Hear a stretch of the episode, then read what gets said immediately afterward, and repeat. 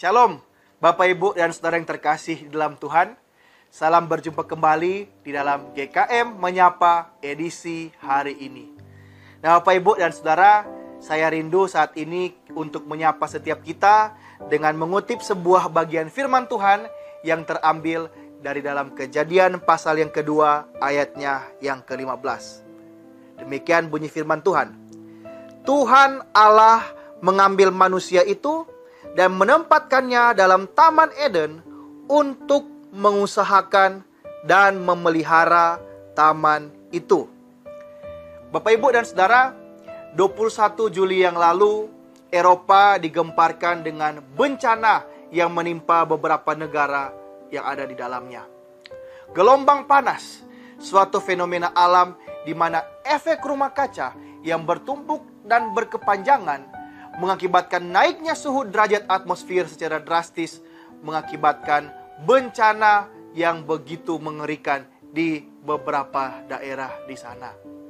Misalnya saudara, di London, ibu kota Inggris, di sana mengalami kenaikan suhu sampai 40,3 derajat Celcius dan mengakibatkan beberapa fasilitas kereta api memuai dan rusak dan juga beberapa gedung-gedung kuno di sana terbakar. Di Yunani, pemerintah terus berjuang untuk meredakan kebakaran hutan hebat yang ditimbulkan oleh gelombang panas ini di negara itu. Dan tidak berhenti sampai situ saja, saudara. WHO menyatakan bahwa gelombang ini mengakibatkan banyak sekali korban jiwa. Tercatat boleh sampai 1.700 orang meninggal dan itu bahkan hanya di Spanyol dan Portugal saja belum di daerah-daerah dan negara yang lain. Dan saudara ternyata bencana ini sendiri tidak hanya melanda di Eropa saja, tetapi bahkan sampai ke Amerika Serikat mengakibatkan fenomena yang hampir sama buruknya terhadap masyarakat yang tinggal di sana. Nah, saudara yang terkasih dalam Tuhan, berdasarkan analisa beberapa ahli, besar sekali kemungkinan fenomena buruk seperti ini terjadi oleh karena kesalahan umat manusia sendiri. Pengundulan hutan, penggunaan bahan bakar fosil secara tidak bertanggung jawab, dan berbagai macam bentuk penyalahgunaan, penyelewengan sumber daya alam secara tidak bertanggung jawab itu adalah akibat dari semua bencana ini pemanfaatan dan eksploitasi alam seperti ini juga kita tahu bersama juga berperan besar di dalam berbagai bencana alam lainnya. Misalnya banjir, longsor, polusi udara, dan sebagainya.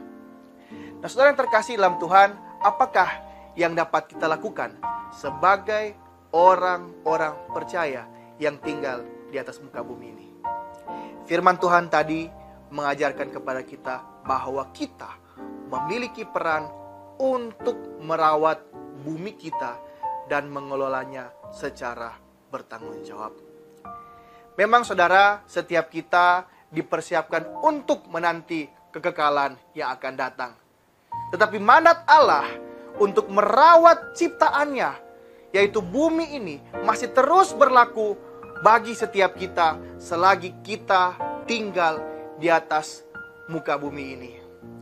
Oleh karena itu, Bapak, Ibu, dan saudara yang terkasih dalam Tuhan, mari kita mulai untuk menjaga dan merawat dunia kita.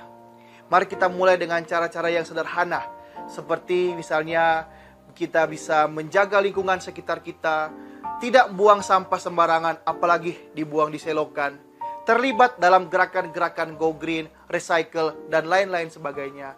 Saudara, itu semua meskipun kecil tetapi kita sudah bersumbangsi untuk memelihara bumi pertiwi ini.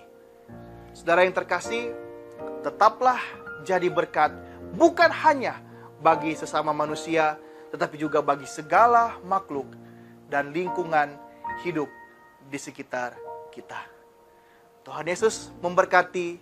Shalom.